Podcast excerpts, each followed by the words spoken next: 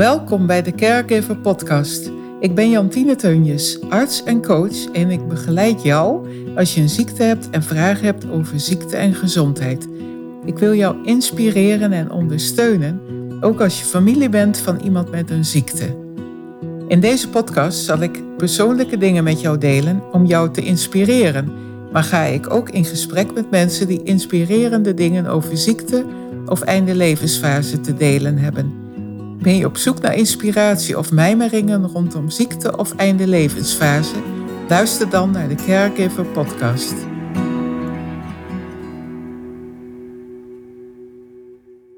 Hey, goeie, goeiedag uh, Hanneke. Wat leuk jou uh, hier in mijn podcast te hebben.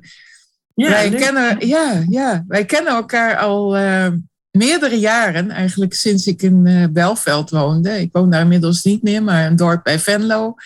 En daar zijn wij in contact gekomen met elkaar via onze kinderen.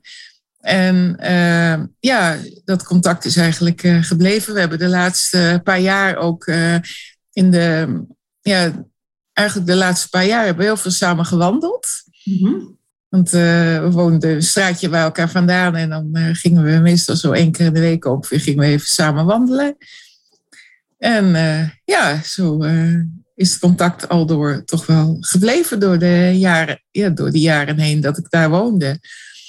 Dus dat even de introductie. Wat wil je zelf kwijt, Hanneke, over jezelf?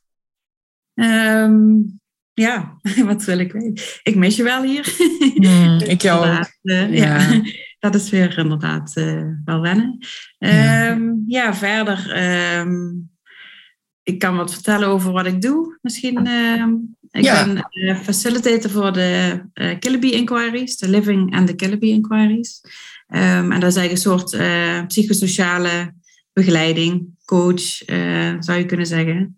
Um, en dat doe ik online, maar ook hier aan huis in, in een praktijkkamer. Um, ja, en daarnaast zijn we met datzelfde werk bezig om voor ouders en kinderen een project neer te zetten. Dus om mm -hmm. ouders te helpen uh, om op een bewuste manier uh, op te voeden. -hmm. um, ja, verder ben ik nu bezig, want het is allemaal in het Engels. een opleiding, een training om, het, om facilitators te trainen in het Nederlands. Dus dat we ook wat meer Nederlandstalige facilitators Wauw. Wat god ja. tof joh, maar je, straks vraag ik jou meer over dat. Hè? Want, ja, prima. Ja. Nou, dan weer in details. En jij bent uh, moeder. Je bent, ik ben moeder inderdaad, van, uh, van drie kinderen. Ja. ja. En moeder van twee puppies. Hè? En, ja, het komt dat we twee puppies erbij. Dus dat is veel hier.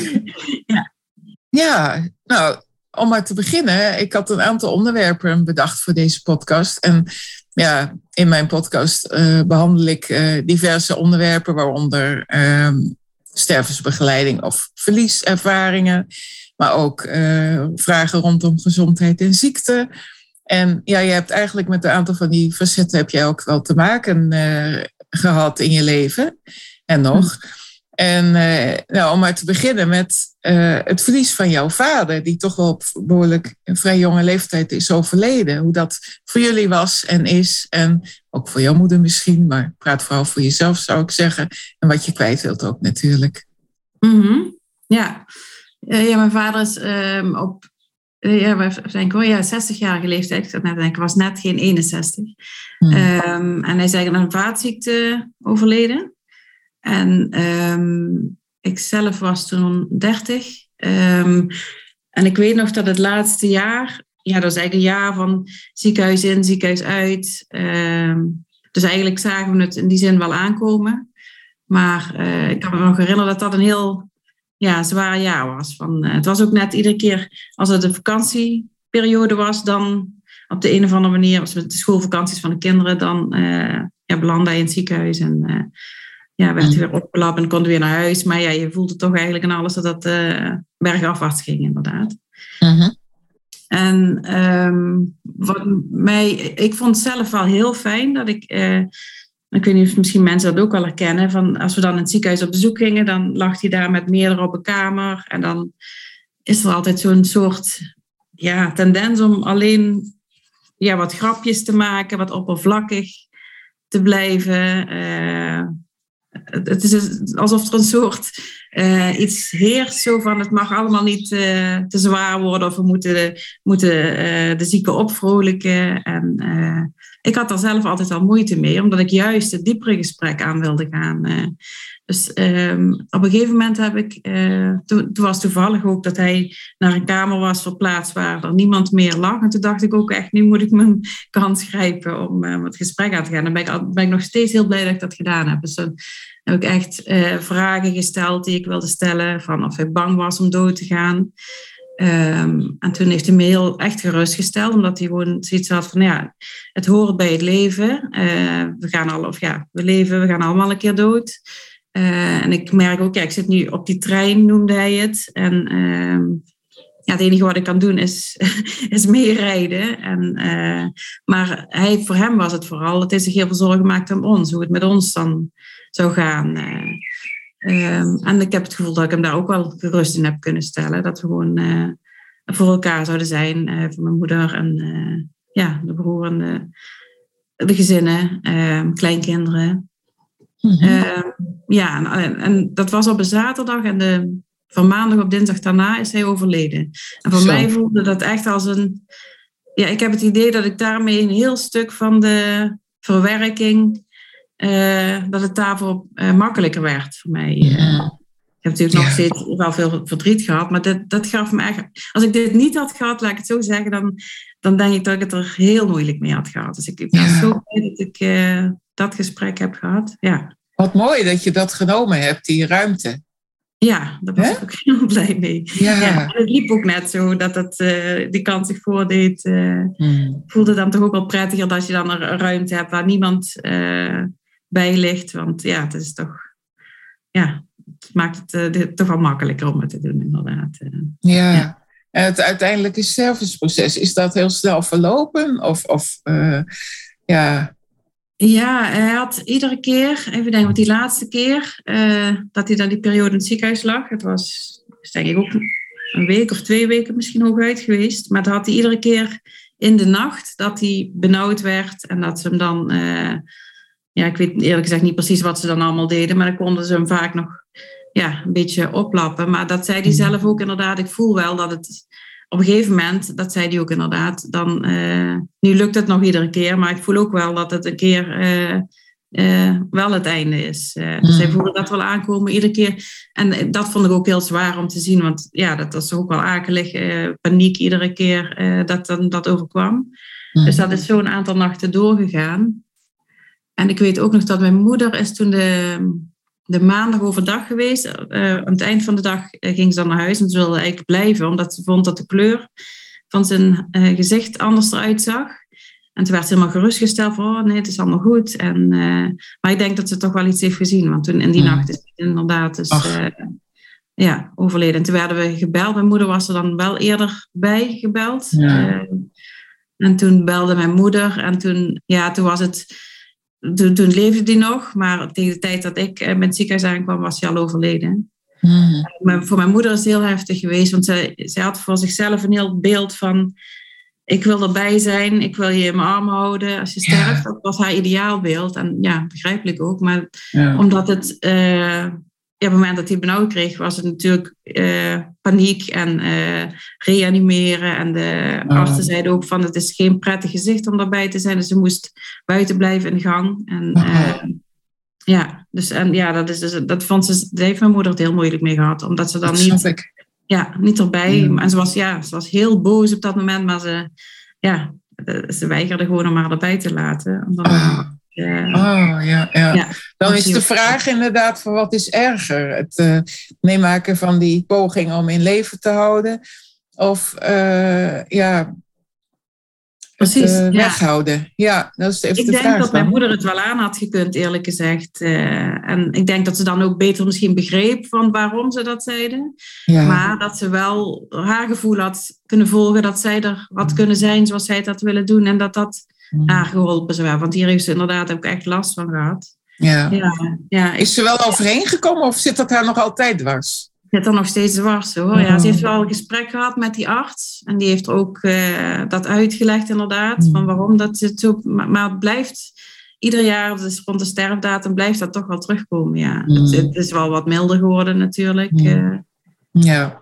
Ja, maar ik, ja, ik vind het inderdaad, van mensen bepalen dan voor een ander eigenlijk wat ze wel of niet aankunnen. Ja, ja. En ja, ik snap ook dat zij moeten, zij hebben ook geen, geen tijd en om daar heel lang over na te denken op zo'n moment natuurlijk. Mm. Nee. Maar aan de andere kant, uh, ja, het zou prettiger zijn denk ik als ze wat meer uh, ja, daar konden invoelen wat, uh, wat de mensen nodig hebben op dat moment inderdaad. Ja, ja, ja. ja dat, iemand, dat zij daar nog al die jaren last van heeft, dat zegt wel genoeg hè? Ja, precies. Ja. ja, ja. ja. Heb je zelf wel vrede bij hoe je afzet hebt genomen van je vader? En, uh, ja, voor mij was dat, dat gesprek echt uh, de afronding inderdaad. En uh, ik heb daar dus niet zo last van gehad dat ik hem niet meer levend heb gezien toen mijn moeder me belde. -huh. Dus ja, dat, voor mij was dat, voelde dat gewoon als een, ja, een, een, een mooie afronding. Ja. En, ehm, ja, natuurlijk uh, is het gemis is er wel. Hè? het verdriet dat komt dan even goed in golven. En, uh, maar dat voelt dan meer... Ik, ja, ik heb het eigenlijk altijd als een, een ja, natuurlijk proces gevoeld. Uh, en ook gewoon aan overgegeven. Ja. Wat ik wel ontdekte is dat...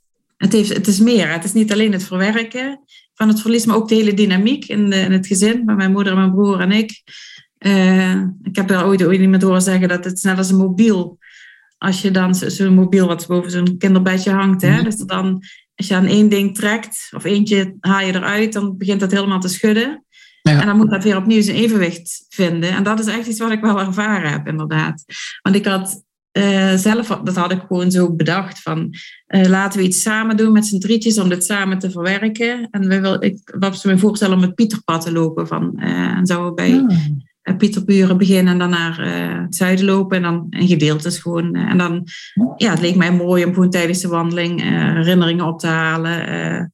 maar ook, ook te delen over hoe we het ervaren, over het gemis. En, maar dat pakte anders uit helaas oh. dan, ja, dan oh. ik... Hebben jullie hem wel gelopen, bedoel je dat? Of We hebben de eerste twee etappes gelopen en toen zijn we ermee gestopt. Ah, ja. ja, ja ik merkte gewoon, we zaten er gewoon allemaal heel anders in. Uh, mijn broer is, uh, die heeft uh, altijd meer iets gehad van, ehm, hij wil het vieren, dat zijn verjaardag bijvoorbeeld. Dus wij, ik wil het graag, ieder, dat doen we sowieso wel trouwens, ieder jaar erbij stilstaan. Maar mhm. voor mij is dat prima om dat op de sterfdag te doen. Dat is, ja, dat is het moment voor mij waar ik dan ook voel van, waar ik de meeste um, emotionele lading bij heb, inderdaad. Maar mijn broer wil dat juist met zijn verjaardag doen. Ah. Omdat niet te veel aan, aan, de, aan de dood of zo. En, ja, ah. dat gevoel heb ik. Uh, ja, En dus voor, ja, wat voor hem dan zwaar voelde juist om erover te hebben, uh, voelde voor mij juist helend. Mm Maar ja, dat, uh, dat botst dan een beetje. Dus ja, en, en, inderdaad, allerlei andere emoties komen er ook. Hè. Uh, mijn rouwproces is het ook boosheid. En dat kwam ook wel naar boven. Dus, uh, en dan dat, juist die verschillen in hoe we het verwerken. Mm-hmm. Ja, maakte maar dat we, dat we zoiets hebben gedacht van... We doen het ieder op onze eigen manier. En ik weet ook dat ik zelf een beetje... Dat voelde heel eenzaam. Uh, ik dacht... Want ik dacht, we zijn met ons drietjes we hebben hetzelfde meegemaakt. We hebben een belangrijk persoon uit ons leven missen we nu. Mhm. Maar ehm, dat dat dan zo verschillend ervaren werd door alle drie van ons. En dat het ook iedere keer op een ander tijdstip ging. Als ik hem miste, dan, ja, dan moest ik niet bij mijn broer aan te komen, want die was juist met iets anders bezig. Uh, dus het, het, voelde echt. Ja, dat vond ik, eh, vond ik jammer, maar tegelijkertijd is dat ook gewoon realiteit natuurlijk. Ja. Ja, dan heb je toch op dat moment je daar wat eenzaam in gevoeld dan, als je dat zo hoort. Ja. ja. En zij ook? Of, uh, of is dat iets waar hun behoefte niet zo lag? Ik heb met mijn broer eigenlijk nooit heel, heel nee, uh, nooit een goed, of een, ja, begrepen ook niet misschien, maar we hebben nooit een gesprek daarover gehad. Ik heb altijd het idee dat het liever uit de weg gaat. En met mijn moeder wel. Ik heb met mijn moeder wel heel, uh, dus dat is wel heel fijn. Ja. En, en ook merkte daar ook verschillen. Hè. Voor haar, zij is een man verloren natuurlijk, ik een vader. Mhm. En zij heeft eh, vroeger, als, toen ze elf was, is ze haar vader verloren. Oh. Dus ja, dat, ik vond het, ja, vond het soms ook als moeilijk om vanuit... Ik, heb, ik had wel het gevoel dat ik luisterend oor voor haar kon zijn. Maar andersom had ik het idee dat dat wat lastiger was. Uh, oh ja, ja. Er ligt ook een heleboel trauma voor jouw moeder. Hè? Ja, ja. ja, jeetje. Ja, ja. ja. Oeh. Ja. Ja. En hoe gaat het nu uh, op het moment daarmee? Of uh, heb je nu een plek wat uh, kunnen geven zo? Ja, zeker. We hebben, we, we, hebben nu dus inderdaad gewoon afgesproken dat we ieder jaar met, met de verjaardag inderdaad gaan we eten met z'n drietjes. Oh, wat leuk. En dan, dan halen we herinneringen op. En we hebben gewoon een weg gevonden die voor iedereen oké is, zal ik maar zeggen. We denken gewoon aan leuke dingen. En, ja. en dat is ook heel mooi. Hè? Ik bedoel, ja. En uh, daar zijn we ook samen met ons drietjes. Op, op zich is dat ook wel fijn, vind ik. Uh, dat niet met het hele gezin. En de, uh, dan is er wat meer tijd en aandacht voor elkaar, inderdaad. Dus, mooi. Dat, ja, dat bevalt goed. Ja, heel mooi. Ja, ja zeker. Ja. ja. Ik zat gewoon te denken, de sterfdag merk ik gewoon wel. is altijd wel iets, inderdaad, waar ik dan of ik maak ik even een post of zo. Ik vind het altijd mooi om wel even erbij stil te staan. Ik merk ook dat, dat, gewoon, dat ik daar die behoefte aan heb. En die dag is er altijd wel een beetje, uh, hoe zal ik het zeggen, wat verdrietiger en wat. Uh, en tegelijkertijd is het ook wel, uh, voelt het ook wel dat ik dan dicht bij hem ben of zo. Dus ik, ik het heeft twee kanten eigenlijk. Uh. Ja, ja. herkenbaar wel hoor. Ja, zeker. Ja. Ja, Ik hm. zie hem ook langskomen dan wel. Hè? Al, uh, ja. Ja. ja, ja. Ja, die post bedoel ik. Ja. Oh ja, ja. Ja, ja. ja mooi. Um, Ja, we hebben nog wat zeggen. Nou, ik weet niet, wil je daar nog wat aan toevoegen? Of, of ja, het voelt bijna een beetje onnatuurlijk om nu naar een ander onderwerp over te gaan. Maar uh, we hebben natuurlijk nog meer uh, dingen die leuk zijn of interessant of fijn zijn om te bespreken. Maar uh, hoe voelt dat voor jou? Of heb je zoiets van, wil je nog wat aan toevoegen? Um, nee, het voelt voor mij wel compleet. Ja. Ja. ja. Jawel. Dan ronden we dit uh, onderwerp af. Rondom uh, sterven en ja, afscheid nemen van je vader. En dan mm. lijkt het me mooi om nu het te hebben ook over ja, nog iets, iets heel anders. Want dat uh, is een beetje gerelateerd aan deze tijd met het virus wat rondging. Jij hebt ehm, ten gevolge van dat jij corona hebt gehad, heb jij je smaak en je reuk helemaal verloren. Mm -hmm. Ik weet niet hoe het er op ja. dit moment voor staat, maar hoe lang is het geleden dat je die ziekte ja, dat, hebt gehad? ja, april, begin april 2021. Dus dat is nu ja, ruim een jaar geleden inderdaad. Mhm. En um, het is eigenlijk een beetje op en af gaan. En uh, nu zit ik weer net in, ik heb net een, of net een aantal weken terug een flinke verkoudheid gehad, waardoor weer het bijna weer helemaal weg is. Dus het, en dat is eigenlijk de hele tijd zo ah. geweest. Uh, ja. En uh, ja, het is eigenlijk ook niet verder gekomen dan een paar vleugjes, zal ik maar zeggen, reukherkenning. Ja. Waarvan ik ook twijfel of dat uh, of dat het echt is of dat dat ook een psychische component in zit. Uh-huh. En de smaak is op zich uh, zoet en zout, proef ik wel een beetje. Maar, uh-huh. ja, maar die, die smaaknuances verder niet. En dat is eigenlijk ook niet, niet teruggekomen inderdaad. Nee, nee. Ja, dus oh, het is eigenlijk een beetje een op en af van helemaal niks ruiken en proeven naar een heel klein beetje. En dan heb ik ook vaker dat ik vreemde geuren ruik, dus die er niet zijn. Uh-huh. En dat de smaak vervormd is. En dan weer helemaal niks. En zo gaat het eigenlijk op en af. Ja. Dat lijkt me heel naar. Ik heb het zelf gehad uh, tijdelijk. Een, ja, ja, een aantal weken. Een maand, zeg maar. Een dikke maand, denk ik.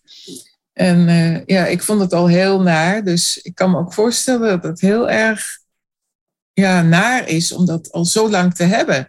En ik ben gewoon benieuwd hoe dat voor jou is. Of je dan ook dingen kwijt bent uit je herinnering, hoe dingen werkelijk roken. En of je daar ook een stukje vrede in kunt vinden of dat het moeilijk blijft voelen. Daar ben ik gewoon heel erg mhm. benieuwd naar. Ja, ehm, ja ik heb wel bijvoorbeeld ehm, dat ik dat geur een beetje begin te vergeten, inderdaad. ik, ik hou heel erg van de, geur van koffie, bijvoorbeeld.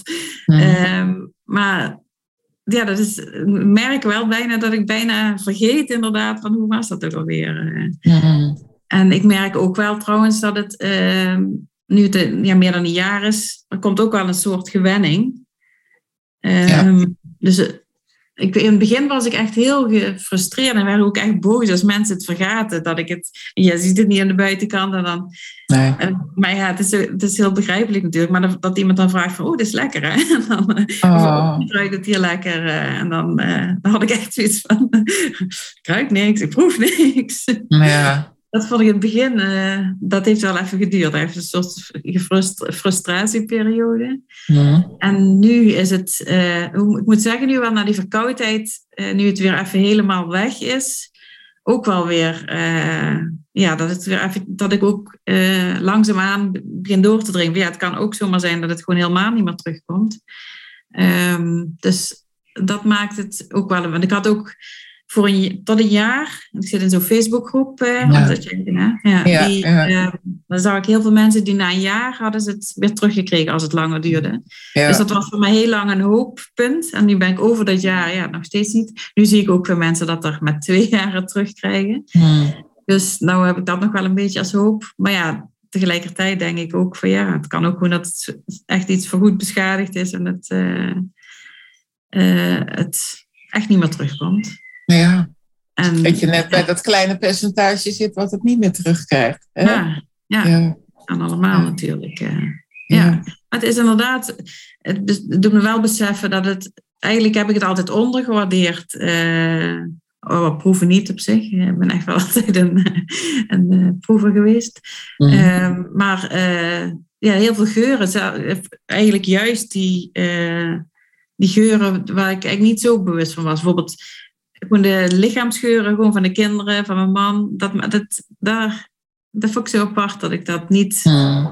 Die zijn er en die heb ik altijd gewoon... Uh, ja, toch wel ook wel van genoten ergens, maar nooit zo bewust. Uh, ja.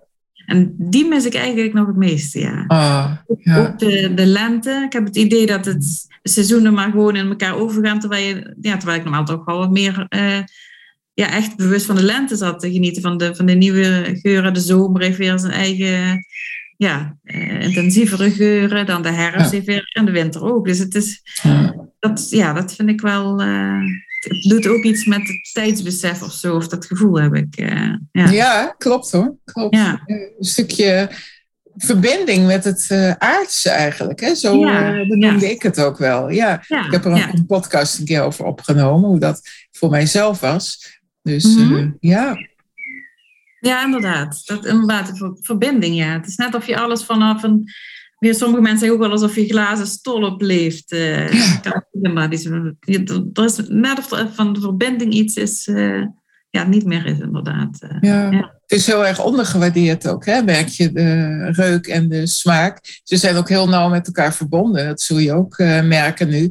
Dat als je neus het niet doet, dat ook je smaakbeleving uh, heel anders is. En uh, dat is heel nauw met elkaar verbonden. Ja. Ja. Ja, ja. ja inderdaad. ja, en tegelijkertijd is het ook wel een troost om te zien dat heel veel mensen dat hebben. Dus dat nu, hè, want ik, ik zie ook mensen die in die groep die dat dan bijvoorbeeld al jaren hebben, maar dan is het helemaal ondergewaardeerd geweest. Hè? Niemand had er aandacht voor, geen onderzoek werd ernaar gedaan. Dus in die zin is het nu, omdat het zoveel mensen zijn, is er wel wat meer aandacht voor. Dus uh, ja, daar, daar, ben ik wel dankbaar voor. Want ik kan me voorstellen, als je dat inderdaad hebt uh, of had gehad voor die periode, dan is het. Uh, ja, dat is nog, nog heftiger uh, hoe je je daar uh, alleen in kunt voelen, denk ik. Uh. Ja, ja, zeker. Ja. Ik weet dat mijn eigen opa, dat hij het vanaf een bepaalde leeftijd heeft hij ook een virus gehad. En daarna ook nooit meer wat geroken en geproefd. En ja, dan af en toe, we, als kind kreeg ik dat dus al mee. Hè? Want ja, hij, ging, hij overleed toen ik veertien was.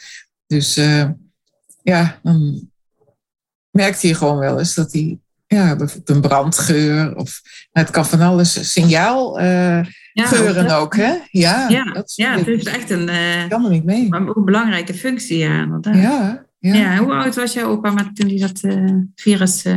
Dat weet ik niet. Maar hm. zolang ik leef, had hij het al niet meer. En ik denk dat het ergens in zijn jongere jaren al is gebeurd. zou ik mijn moeder, mijn moeder leeft helaas ook niet meer.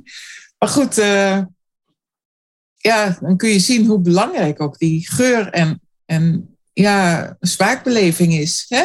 Mm, dat ja. echt wel dingen zijn die je verbinden met, ja, met genot, met het aardse, met uh, ja, uh, waarnemen ook. Ja, dingen, van realiteit, een tijdsbeleving zelfs.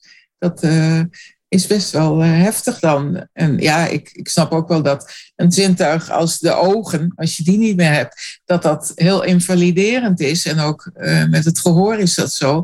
Maar dat ook smaak en reukbeleving, dat die ook een stukje invaliderend zijn. Niet in die mate dat je niet meer kunt functioneren in het leven, maar wel dat je iets mist, iets heel essentieels. Ja. Dat is wel je oudste hersengebied hè, waar uh, de reuk mee is verbonden.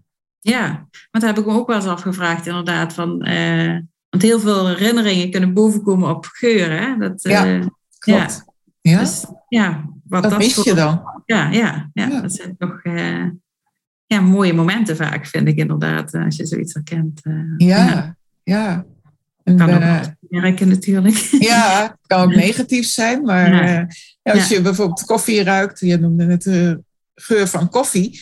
Als je bijvoorbeeld, of ik noem maar iets, de geur van pannenkoeken. Of nou ja, en dat je aan je herinnert dan dat je oma, dat die zulke lekkere pannenkoeken kon bakken. en hoe gezellig het was dan met elkaar daar te zijn. He, dat soort momenten. Dan krijg je toch een cadeautje inderdaad van die, van die herinneringen. Ja, ja, ja. ja. En eh, hoe, ja, hoe, ga je, hoe ben je ermee omgegaan? Heb je ook uh, oplossingen geprobeerd te zoeken? Of heb je gewoon het laten gebeuren? En hoe sta je er nu in eigenlijk? Um, ja, ik heb van alles geprobeerd. Ik heb uh, van die reukflesjes uh, van citroen en ja, die, die basisgeuren. ik weet even nou niet. zat er nog meer bij? nou ja, dat zijn vier basisflesjes in ieder geval. Ja. En dat iedere ochtend uh, probeert, en dan ook met herinnering. Hè, dus dat ik als ik citroen rook, dat ik ook probeer een citroen voor te stellen. Zoveel mogelijk erbij te halen. Uh, maar ik merkte, omdat als ik dat dan helemaal niet rook, en ik, ja, ik weet niet hoe lang het een paar maanden heb geprobeerd, dat ik daar een beetje gefrustreerd van raakte en dat ik er totaal geen vooruitgang in zag. Dus ben ik daarmee gestopt. Ja. Uh, ik heb ook acupunctuur geprobeerd, een uh, dik half jaar, maar ook daar ja, heb ik geen effect van gemerkt, helaas. Heb je ook niet gemerkt dat toen je stopte met de acupunctuur dat het slechter ging? Of merkte je helemaal geen verschil? Ja, dat is een, is een beetje lastig om te bepalen. Want ik, toen ik ermee stopte, heb ik die verkoudheid gekregen. Oh. En na die verkoudheid, maar dat had ik tijdens de acupunctuur ook wel eens gehad. Dat ik verkouden was en dat het dan weer terugging. Nou ja, tegelijkertijd denk ik, ja, ik weet ook niet zeker of het niet door die acupunctuur iets beter werd uh, bleef, zal ik maar zeggen. En dat het nu uh, niet alleen die verkoudheid is. Dus dat 100% zeker weet ik dat niet. Nee. Maar ja, het was ook zo weinig. Het waren ook golfbewegingen. Dus ik, ik zag ook niet echt een, een vooruitgang erin. Uh, nee als het nu echt, nu na deze verkoudheid, die golfbeweging niet meer terugkomt, dan denk ik dat ik nog wel overweeg om weer uh, naar naartoe te gaan. Ja, want heb je wel verhalen in die app, in die uh, Facebookgroep gezien van mensen die wel baat daarbij bij hebben gehad? Want dat kan ook stimuleren misschien. Ja, dat was de reden dat ik ermee begon. Maar uh, ik, daarna heb ik eigenlijk niet zoveel meer uh, positieve verhalen gehoord. En ik, ik merk ook van soms gaat het wat beter, omdat het op en af gaat. Lijken sommige dingen ook. En ik snap dat, dat mensen dat dan ook delen. Want als je net begonnen bent en het, het, wordt beter, dan deel je het. Maar als het daarna weer een berg of een dal komt, dan, uh, ja. ja. dan is de vraag: wat is de oorzaak, wat is gevolg en Precies. wat helpt er niet? Hè? ja. ja. En toevallig heb ik afgelopen week, of vorige week was het, met, met Pinkster is uh, een zwager van mij, die is uh, bezig met de NITES, met, uh, om met, met de VR-wereld ehm, proberen te herstellen. En die heeft ook een, omdat er zoveel mensen ook zijn met, met reuk- en smaakverlies, ook een VR-wereld laten maken voor, ja, voor reuk. Dus je, had de, je kon dan met een VR-bril op, stap je eigenlijk in een kamer met, waar een hele grote bak stond met allemaal citroenen. En die waren opengesneden en dan Um, dus daar kun je gewoon in, hè, omdat je in de VR-wereld loopt, je kunt er naar ruiken. Uh, en tegelijkertijd hield hij dan zo'n zo'n reukflesje onder mijn neus van citroenen. En hmm. toen had ik wel, want ik had net daarvoor alles, uh, rook ik helemaal niet, het was na die verkoudheid. toen kwam er wel een vleugje citroen weer op. Dus ik had wel het idee dat die, dat die in die wereld zijn nog wat meer deed dan als je het jezelf voorstelt. Omdat het echt zo echt lijkt. Ik denk dat je hersenen daar echt mee voor de gek kunt houden. Ja. Ja, en tegelijkertijd, toen ik daarna een, een citroen doorgesneden uh, rook, rook ik het niet. Dus het is ook, uh, die, die geurfles zijn ook wat sterker, denk ik, uh, dan de citroen. Mm -hmm. maar ja, die, ja, het zou, zou fijn zijn als dat uiteindelijk tot een. Ik denk dat je dat ook wel regelmatig moet herhalen. Dus je had allerlei kamers, ook een, een markt, een specerijenmarkt. Uh, waar je dan uh, ja, allerlei dingen ziet in, de, in de zon. maar daar rook ik dus weer niet. Dus ja, het is, ik weet niet of, of het gaat werken. Maar ik heb wel het idee dat het daar ergens zit. Dat je het wel alle, alle zeilen bij moet zetten. In de zin van herinneringen ophalen, het voor je zien.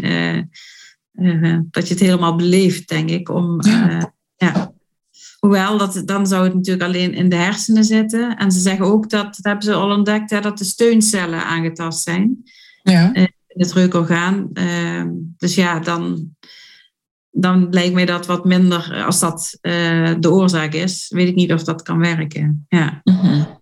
Dus, maar ja, zo probeer ik inderdaad wel. Ik denk als er iets langskomt inderdaad waarvan ik hoor dat het mensen helpt, dan uh, ja. wil ik het zeker proberen. Ja, ja daar sta je nog wel voor open dus, ondanks Ja, de ja. teleurstelling de hele tijd. Ja, ja zeker. Ja. maar mooi. Ja, het is gewoon heel, heel fijn om wat te kunnen ruiken. En uh, ja, heel waardevol. En fors onderschat ook. Ja, als je bijvoorbeeld een beroep hebt waar je je neus bij nodig hebt, of je smaak, hè, Ja. dan eh, merk je het Dat- helemaal natuurlijk. ja, dat geluk heb ik gelukkig eh, dat dat niet zo is. Eh, maar inderdaad, is dat maar kok zijn of, eh, of in een Nou. pastorie werken. Ja, Mm, Ja. ja. Nou ja, het is ook jammer als je voor je gezin aan het koken bent en je kunt er zelf niet van genieten. Hè? Je proeft Ja. niet wat je maakt. Dat is ook gewoon jammer. Ja, het gaat allemaal een beetje op, op eh, ja, heel mechanisch inderdaad. Een beetje zout erbij, een beetje kruiden, maar Ja, het is gewoon een beetje op... maar ze op- klagen nog niet over. Van, eh, Dat, ze klagen nog niet dat het niet smaakt of zo. Tot Oh, nu gaat het, eh, Ah. gaat het eh, lijkt het, ja. Oh ja. Dat ze achter mijn rug om er nog wat extra zout erin doen of zo, dat weet ik niet. Maar Ja, ja. in het algemeen, eh, ja.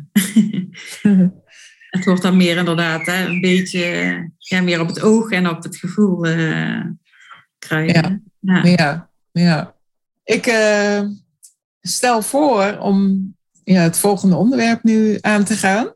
Mhm. En dat is ehm, oh, jouw bedrijf natuurlijk. Ja, jouw bedrijf zou het nog over hebben. En hoe dat in relatie ook staat tot geestelijke gezondheid en gezondheid in het algemeen.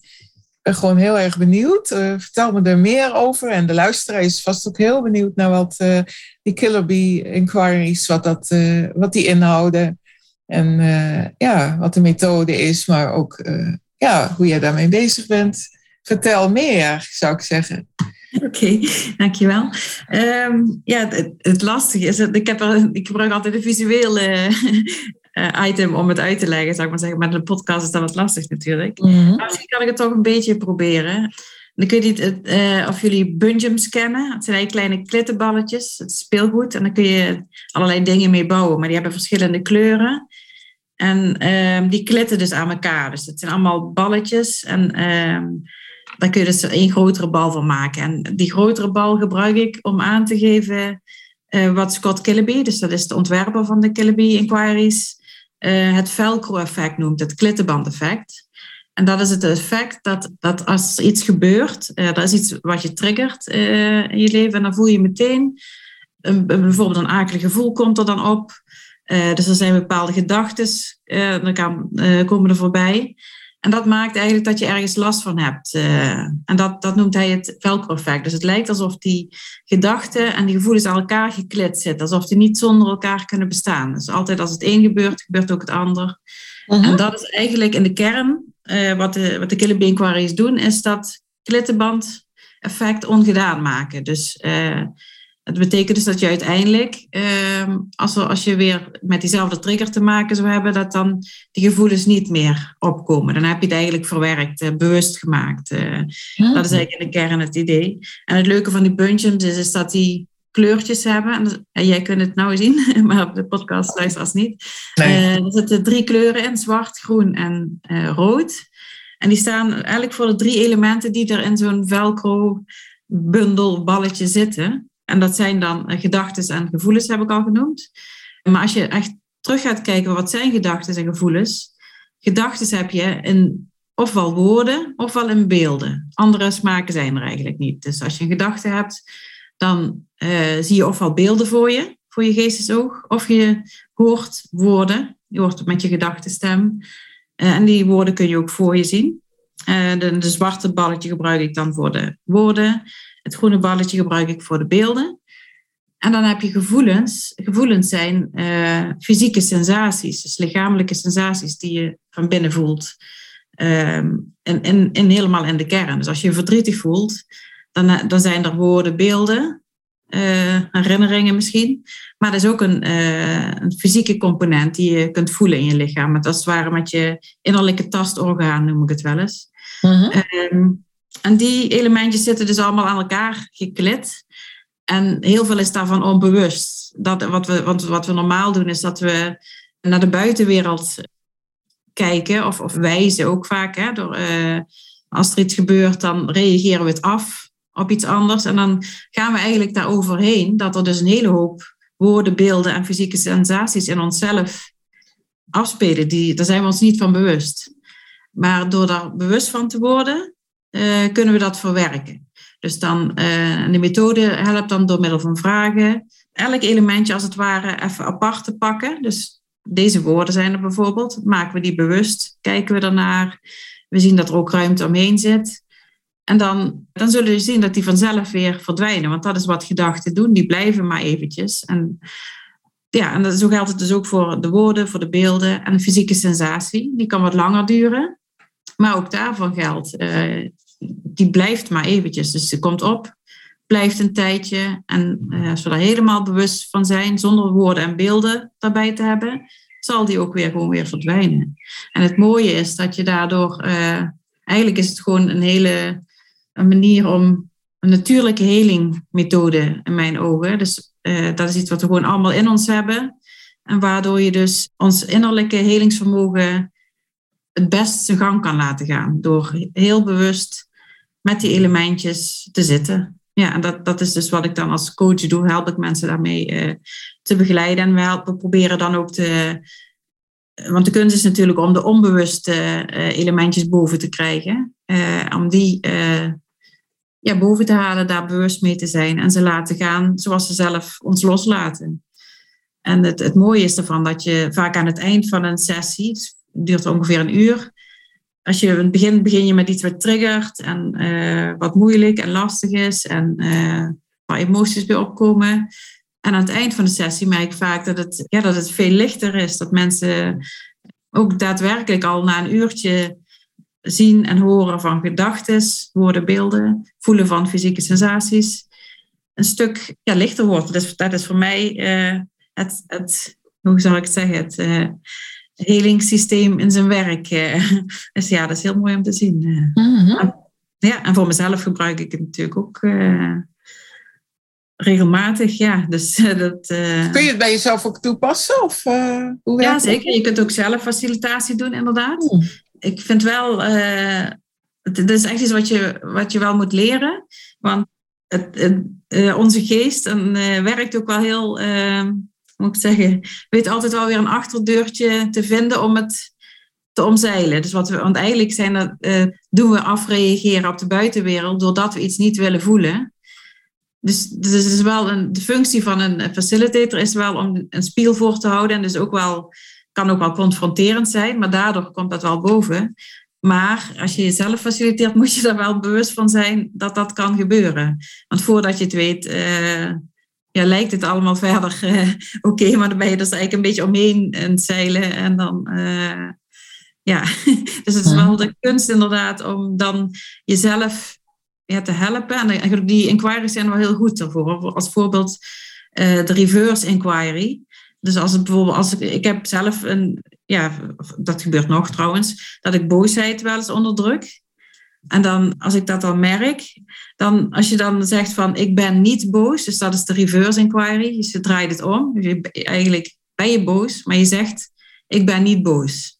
En wat dan, dan laat je eigenlijk je hersenen uh, komen met de bewijzen van oh, je bent wel boos. En dat is precies wat we willen, want dan komen dus alle onbewuste elementjes op, woorden, beelden en fysieke sensaties, die dan uh, ja, wel even laten zitten. Ja, zeker bij je boos. Uh, en die kun je dan volop aandacht geven totdat ze weer verdwijnen. Dus dat helpt wel heel goed om, ja, dus de inquiries zijn goed uh, ontworpen, vind ik, om het onbewuste bewust te maken. En als ik dan zelf inquiry doe, schrijf ik het ook wel eens vaker op. Dus dat helpt ook, hè? Dat, dat je want, want je moet, als je zelf faciliteert, ben je dus eigenlijk en cliënt en facilitator in één. Dus dat maakt dat je moet switchen tussen die rollen. En dat is ook wel lastig. En door het op papier te zetten, uh, kan ik die rollen wat makkelijker uh, kan ik me overgeven als cliënt, zal ik maar zeggen. Omdat ik weet, ik hoef niet het proces in de gaten te houden, het staat toch op papier nu wat de volgende vraag is. Uh, oh ja, ja, dat scheelt dan inderdaad. Ja. Maar als ik het goed begrijp, Helneke, uh, verbeter me als ik het niet goed zeg, maar lijkt het erop dat je een stuk in dat gevoel en in dat moment gaat zitten van wat uh, je dwars zit of wat er gebeurd is of, of nou ja. ja. Begrijp ik dat goed? Ja, je begint met iets wat, wat, wat er triggert inderdaad. Hè? Uh, eens kijken, misschien is een voorbeeld handig. Uh, kijken of ik zo snel een voorbeeld kan bedenken. Bijvoorbeeld als ik een... Uh, ik vind het zelf wel spannend als ik bijvoorbeeld een presentatie moet houden voor een grote groep. Ehm, dus als ik dat aan, aan, het voorbereiden ben, dan merk ik wel eens van, ja, dat, dat dan de zenuwen al toe kunnen slaan, omdat ik eraan denk. Hè? Dus, dus dat is dan de trigger. Dus dan, dan ben ik me ervan bewust van dat ik bijvoorbeeld al zit te denken aan het moment dat het is, terwijl het moment nog niet daar is. Ik ben nog met voorbereiding bezig, maar stel over zoveel dagen is het. Dan komt er in één keer een beeld en dan komt er een soort doemscenario wat er gaat gebeuren. Dus dat is dan een beeld dat opkomt. Eh. Dus dan zou ik daarmee kunnen beginnen. Dus ik kijk dan naar dat beeld alsof het aan de muur hangt als het een stilstaand beeld is. Of het is op een videootje als het een filmpje is. Dan stel ik me voor dat het bijvoorbeeld op een telefoon afspeelt. En dan kijk ik ernaar. En dan, uh, ja, dan uh, probeer ik ook te richten op de vormen, de kleuren, de ruimte eromheen. Dus wat minder van de inhoud, en de, maar dat je het eigenlijk als een soort een afstandje ervan naar, uh, naar kijkt. -hmm. En dan zullen we merken dat dat verdwijnt, dat beeld. Het kan ook zijn dat het beeld blijft. En dat betekent eigenlijk alleen maar dat er nog velcro is. Dus dat betekent dat er een onbewust gevoel of onbewuste woorden nog aanhangen. Dus dan moeten we daar naar op zoek. En als dat beeld blijft hangen, dan zou ik bijvoorbeeld de volgende vraag kunnen stellen. Dat noemen we de boomerang eh, inquiry. Dus dat is, um, dan stel je de vraag, wat zegt dit over mij of mijn leven? En dan kunnen we dus achterkomen dat je een bepaalde overtuiging kunt hebben. Bijvoorbeeld als ik dat beeld zo zie, dat doemscenario, bijvoorbeeld dat alles misgaat wat ik had moeten presenteren, of dat mensen niet luisteren, of uh, niet geïnteresseerd zijn. Dat kan het beeld zijn wat ik zie. Als ik dan vraag voor wat geloof ik over mezelf, dan geloof ik dat ik niet de aandacht van mensen vast kan houden. Ik ben niet interessant genoeg. Uh, dat is een overtuiging die dan op kan komen. Dat is voor mhm. iedereen anders. Mm En dan zijn dus weer woorden die opkomen. Dus dan is de overtuiging van ik ben niet interessant genoeg. Dan ga ik die woorden voor me zien. Dus ik ga ze uitspellen voor mijn geestesoog. Kijk ik naar de vormen, de kleuren, de ruimte ertussen, de ruimte eromheen totdat ze wegvallen. En dan alleen maar, door alleen maar direct ernaar te kijken. Verder doe ik er niks mee. Dus het is eigenlijk een soort mindfulness met die woorden. Ja. En dan, dan verdwijnen ze weer. Uh. Oké. Ja. ja. En, dan, uh, als dat verdwenen is, dan, dan voel ik in mijn lichaam of daar nog een, uh, iets zit hè, wat, wat eraan klit. Bijvoorbeeld uh, zenuwen kan rond de maag iets zijn, dat je een knoop in je maag voelt. Dan ga ik daar zonder die woorden en beelden uh, naartoe. Dan kan ik ook vaker beter dan erbij. Uh, omdat we anders helemaal in beslag genomen worden door die woorden en beelden. Uh-huh. Dan ga ik dat voelen van binnenin. En, en dat kun je ook, uh, de kern kun je voelen. Je kunt de ruimte eromheen voelen. Van die fysieke sensatie rond de maag. Uh-huh. Soms zie ik ook daadwerkelijk een knoop vormen. Dan heb ik dus weer een beeld waar ik dan eerst weer naar ga kijken. En de mhm. ruimte eromheen totdat dat weg is. En dan kom ik weer terug naar het voelen. En dan zul je merken als je genoeg woorden en beelden hebt verwerkt, dat dan ook dat gevoel vanzelf weer uh, verdwijnt. Uh. En dan kun je ook een keer opnieuw proberen te triggeren. Dus door weer aan die eh, presentatie te denken, die dan en dan gepland staat. En dan als er dan weer wat opkomt, ga je dat nog een keer door. Het is, vaak is het niet in één keer gedaan. Het, vergt wel wat discipline. En, maar je zult merken dat het steeds minder lading krijgt. Het wordt steeds hmm. lichter. Dus eigenlijk haal je de lading er vanaf van bepaalde trauma's of, of gebeurtenissen of uh, ja, ja, precies. dingen die ja. je dwars zitten. Ja, ja. mooi. Ja. heel mooi. Ja. Er zijn natuurlijk meerdere technieken daarin. Hè, maar, Zeker, ja. ja, maar dit is wel uh, ja, bijzonder om te horen, ja. Ja. Ja, ja, zeker zijn er meerdere manieren uh, of andere methodes die hetzelfde doen. Mm -hmm. Het mooie vind ik van de Killeby Inquiry is dat ze heel rechtstreeks zijn en heel. Uh, ja, ze zijn echt ontwikkeld door, uh, door Scott, die zelf bijvoorbeeld ook chronische rugpijn had. -huh. En waarvan de arts ook zei dat dit zul je je hele leven hebben. Maar -huh. hij heeft zelf die methode ook zo toegepast en verfijnd. Hij heeft nu helemaal geen, geen rugpijn meer. Dus zo, ja, zo ver kan het gaan. Wow. En dat betekent, wij heeft echt wel ja, dagen, maanden achter elkaar inquiry gedaan. Dus het, het vergt ook wel, het is geen, geen tovermiddel, zal ik maar zeggen. Want je, je moet wel echt het, het werk ook doen. Maar uh -huh. het, het, het, kan dus echt, ja, in, de, ja, in je lichaam dus wel echt dingen herstellen en helen. waarvan, ja, waarvan artsen zeiden dat het niet, niet mogelijk was. Dus dat uh -huh. maar eigenlijk ja, vanuit je mind dus, hè? Daar, komt het, daar lijkt het een beetje op. Vanuit je mind ga je ja, je lichaam vanuit, je, vanuit het bewustzijn eigenlijk inderdaad. Ja. Want inderdaad, vanuit het bewustzijn zie je wat er in je mind aan inhouden uh, aan elkaar geklit zitten. En door er bewust van te zijn, um, maak je dat los. En dan, dan kan het weer verdwijnen, inderdaad. Ja. Heel boeiend. Ja, ja. ja. ja ik wat doe... ja. ja, zeker. En wat doe je zo in het dagelijks leven daarmee? Je hebt ook wat cliënt, cliënten, heb ik begrepen, hè, die je begeleidt. Ja. ja, en dat, dat kan uh, ja, van, van jeugd tot volwassenen. En ja, online of, of ook in, uh, op mijn kamer. Ja, en het is ook heel breed. Het is wat dat betreft heel mooi. Dus mensen met chronische pijnen, maar het kan ook, uh, ja, bijvoorbeeld uh, mensen die stress ervaren of uh, ja, diverse onderwerpen zijn er. ja, mm-hmm. eigenlijk alles waarvan je last kunt hebben door dingen die je triggeren. Mm-hmm. En ja, daar is het een hele mooie methode voor. Mm-hmm. Ja. En het kan dus wel degelijk effect hebben ook op je gezondheid. Je geestelijke, maar ook je lichamelijke gezondheid.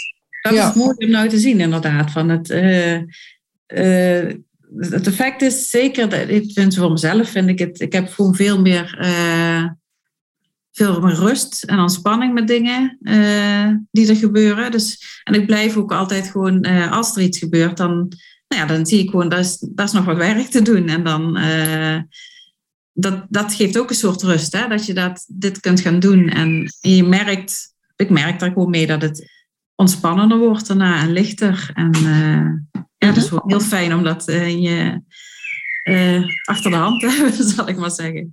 En ja. uiteindelijk is het iets wat we allemaal gewoon van nature kunnen. Dat vind ik ook het mooie daarvan. Hè? Dat is iets wat, wat we gewoon hebben, maar we, we vergeten vaak omdat we zo gehecht zijn aan het richten wat we om ons heen zien. Uh, en we gaan voorbij aan wat er uh, binnenin gebeurt. Uh, ja. ja. Mm-hmm. En dat is eigenlijk gewoon een stapje terug doen, inderdaad. Een stapje terugzetten in wat je waarneemt. Dus je neemt niet waar vanuit de persoon, maar vanuit het gewaarzijn achter de persoon eigenlijk. Ja. Ja. ja. ja. Boeiend. Ja, heel boeiend. Ja, want eigenlijk ontdek je dan ook dat je niet dat bent. Dat, je dat, ja. dat dat waarnemingen zijn van een realiteit, maar dat je het zelf uiteindelijk niet bent. Precies, ja. Ja, ja, ja. ja. dat is inderdaad een hele mooie ontdekking. ja, dat, ja. Ik, dat was ook mijn eerste, dat, uh, toen ik met Scott Killeby mijn eerste sessie deed, dat was in 2012. Uh-huh. Toen, toen zag ik dat voor de eerste keer, dat dat, dat dat het geval is inderdaad. En alles waarvan ik dacht dat ik het was, uh-huh ben ik niet. Want dat zijn woorden, beelden die opkomen, even blijven en weer verdwijnen. Terwijl dat terwijl ik blijf. dus dat vond ik zo, uh, zo bijzonder om dat uh, ja. te zien. En daarmee viel ook, een, ook al een hele last van me af.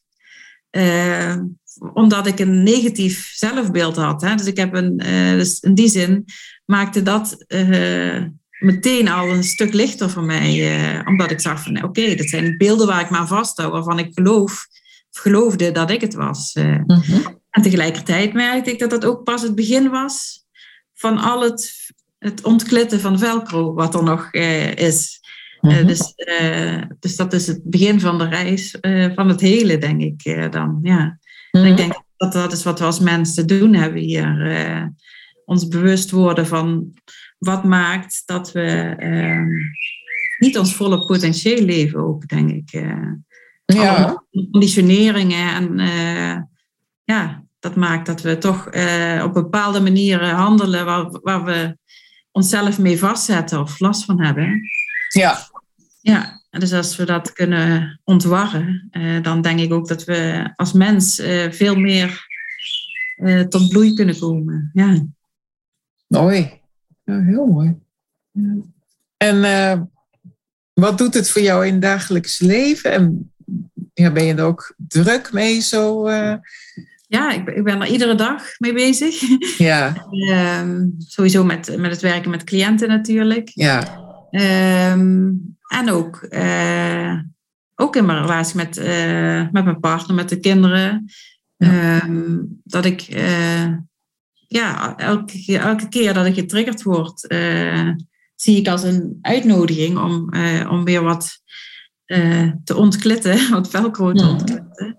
Mm -hmm. En, in die zin is het ook veranderd dat ik het, wat ik voorheen vaker kon denken van, oh, moet mij dit weer gebeuren? Of al dat soort dingetjes. Dat ik dat nu meer als een, um, hoe zal ik het zeggen? Het is eigenlijk ook een soort cadeautje om mm -hmm. het uit te pakken. En ja, een kans om weer uh, wat, wat te helen, wat, wat nog geheeld moet worden. Dus, ja.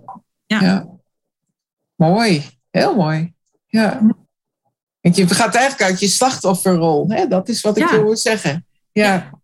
ja. Ja. dat kan ik dan ook zien. Hè? Dat ik soms in de slachtofferrol zat. En dat wordt dan... Dat ontvouwt zich of dat ontmantelt zich eigenlijk. Mm -hmm. Ja. Heel mooi, ja. ja. zeker. En heb je zo nog plannen? Je noemde al wat, uh, dat je misschien ook in het Nederlands een les in wilt gaan geven. Heb je ja. ja, wel eens een ding dus wat je wilt gaan doen, maar heb je nog andere plannen? Zo? Um, ja, we zijn dan in, van plan om in september te starten met een uh, training voor ouders en kinderen. Dat zijn we ook in, de, eerste instantie in het Engels. Mm -hmm. Maar we zijn ook met een team in het Nederlands bezig om dat ook voor, in het Nederlands te doen. Mm-hmm. Want ik vind het toch wel heel fijn om, uh, dat merk ik zelf ook, uh, zodra we uh, dit werk gaan doen, krijg je te maken met conditioneringen uit onze jeugd, hè, bijvoorbeeld, maar ook van generatie op generatie. Dit, gaat ook best wel uh, terug naar wat we over hebben genomen over de generaties heen. Maar vaak, omdat we natuurlijk opgroeien in onze eigen taal, is het wel gekoppeld aan, aan het Nederlands. Dus als ik door een Engelstalige facilitator gefaciliteerd wordt, zie ik wel eens dat ook mijn, waar we het straks over hadden, die, uh, dat de, de mind ook slim is om uh, te omzeilen, zich daarachter kan verschuilen. Van, als ik het in de woorden in het Engels hoor, kunnen ze me minder raken dan als ik het hoor zoals ik het in mijn jeugd heb gehoord in het Nederlands. ja. Dus dat vind ik zelf heel belangrijk dat we dat ja, dat we dat ontwikkelen en ook kunnen gaan bieden hier. Mooi. Daar wil ja. ik me hard voor maken, inderdaad. Ja. Schitterend. Ja, leuk. Ja. Ja, ja. ja. Hm. Wil je nog iets erover kwijt op dit moment? Uh, nee, ik heb wel het gevoel dat ik alles verteld heb wat ik daarover wil vertellen. Ja. Ja. Dan breien we er een eind aan, zou ik zeggen, wat mij betreft. We hebben ja. een heel interessant gesprek gehad over een aantal aspecten. Dankjewel. Ja, het is heel leuk om je met je te praten. Ja, ik vond het heel fijn. Hierbij zijn we aan het einde gekomen van deze aflevering van de Caregiver podcast. Ik wil jou bedanken voor je aandacht. Ik hoop dat je met plezier hebt geluisterd. Als je het fijn vond om te luisteren of deze aflevering inspirerend vond, zou ik het heel erg op prijs stellen als je dan een review achterlaat op iTunes of de Apple Podcast app. Zo wordt de podcast door andere mensen nog beter gevonden. Deel de podcast in je netwerk of stuur hem door naar iemand die dit mogelijk interessant vindt. Verder wil ik jou naar mijn gratis Facebookgroep verwijzen, waarin ik jou nog meer kan inspireren. Over twee weken is er weer een nieuwe aflevering.